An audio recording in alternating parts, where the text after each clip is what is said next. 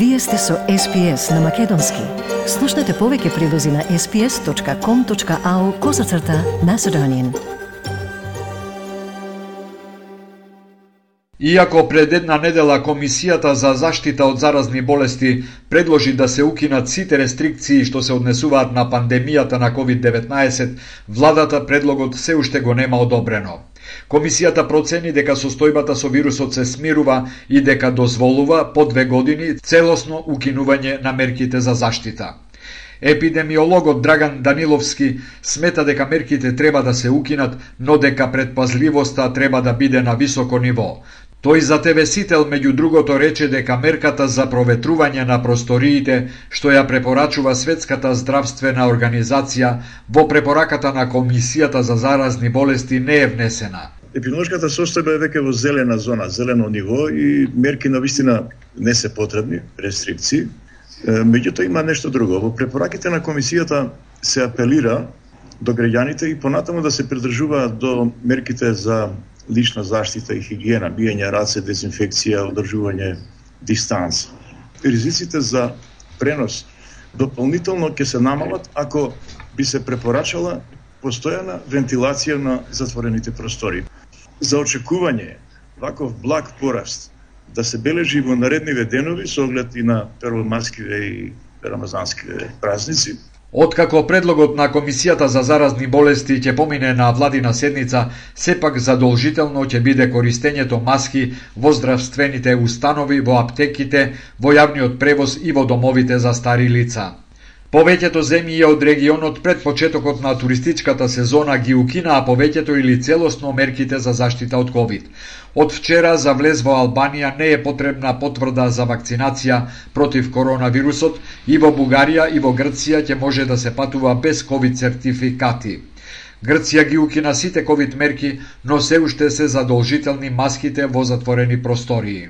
Вчера попладне во селото Слупчане, општина Липково, Кумановско, се одржа церемонија на која беше откриена 20 метарска кула во чест на припадниците на ОНА УЧК загинати во војната во 2001 година. За споменикот се потрошени 200.000 евра општински пари. На свеченоста присуствуваа сите врвни функционери на ДУИ. Лидерот на партијата Али Ахмети се обрати на присутните и цитираме дел од неговиот говор. Оваа земја не може да има историја без овака, не може да има иднина без најголемото достигнување Охридскиот договор. Без Охридскиот и Преспанскиот договор ќе бевме поинакви и во незавидни позиции. Луѓето да не седелат бидејќи ние сме на наша земја.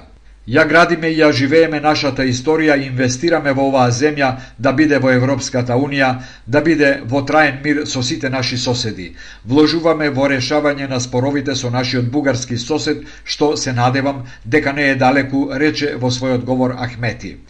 На церемонијата присуствуваа министерот за економија Крешник Бектеши, министерот за надворешни работи Бујар Османи, првиот вице-премиер Артан Груби, како и председателот на собранието Талат Джафери. На церемонијата беше интонирана само химната на Република Албанија, без да биде интонирана македонската државна химна, немаше превод на македонски, па медиумите се снаоѓаа на свој начин. Предходно Министерството за транспорт и врски ги отфрли информациите дека била побарана дозвола за изградба на споменикот, а Министерството за култура наведе дека надлежноста според законот за мемориални споменици и споменобележја е на собранието или на единиците на локалната самоуправа. Вчера верниците од исламска вероисповест го славеа својот верски празник Рамазан байрам. По тој повод државниот врв упати честитки.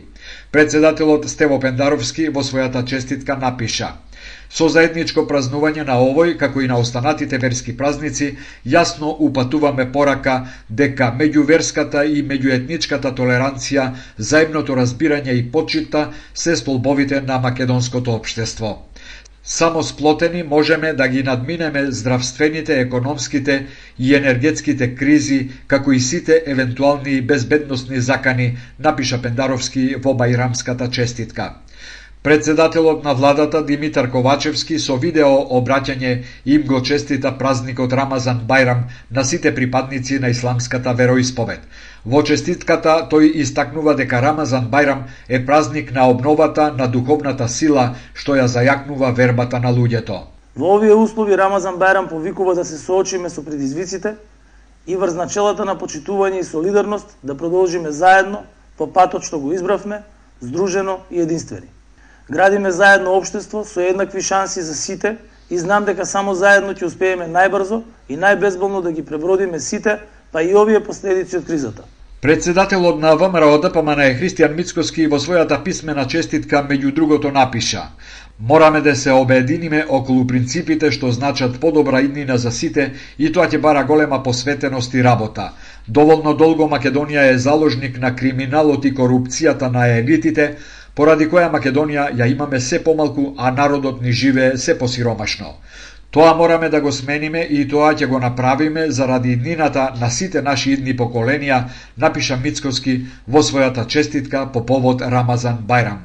ВМРО да ДПМН е вчера повторно побара предвремени парламентарни избори, како што рече портпаролот Димче Арсовски, поради тоа што актуелниот премиер Димитар Ковачевски нема интегритет и легитимитет господине Ковачевски, охрабрете се, излезете на избори, проверете си го легитимитетот помеѓу народот и граѓаните, проверете си го интегритетот, па да видиме што мислат и што ќе кажат за вас.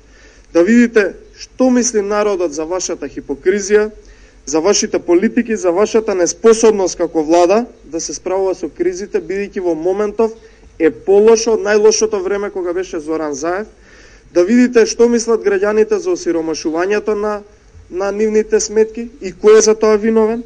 СДСМ одржа пресконференција на која председателот на партиската комисија за земјоделство, шумарство и водостопанство Гоце Георгиевски истакна дека власта максимално помага за зголемување на земјоделското производство. Наша одговорност како партија која предводи државата е да го одржуваме производството на храна стабилно и одржливо. Националниот план за производство на храна се спроведува со засилено темпо. Социјалдемократскиот сојуз на Македонија е искрен партнер за земјоделците од сите категории. Продолжуваме посветено со неселективна поддршка, поддршка за сите. Георгиевски додаде дека светската криза е проблем што бара сериозност и државничко однесување. Тој рече дека одговорноста на СДСМ, партија што ја предводи државата, е да го одржува производството на храна стабилно и безбедно.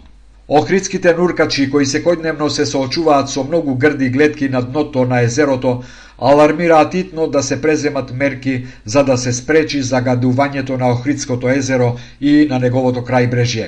Првиот чекор е да се престане природниот базен да се користи како депонија. Особено загрижува загадувањето со фекалии кое преку реката Грашница оди директно во езерото, вели нуркачот Никола Паскали. Кажува дека цевките директно се влеваат во таа река и дека плаќаат комунали, а цевките им се влеваат во реката и потоа тие на истата плажа одат се капат и истата вода ја конзумираат. Фактички живеат во нездрава животна средина како што живееме и ние. Па ние чистиме, одреден период мислиме дека некако е почисто, но сепак после одредени промени во времето, некој поголем бран или ветар, џубрето ни се враќа и ние пак сме на истата точка во загадена средина. Загадувањето на езерото е и една од забелешките на УНЕСКО. Влевањето на фекалии е проблем што трае и се провлекува со децении, а за кој ниедна власт досега нема најдено трајно решение, вели Паскали. Стиснете, ми се допаѓа, споделете, коментирајте. Следете ја SPS на Македонски на Facebook.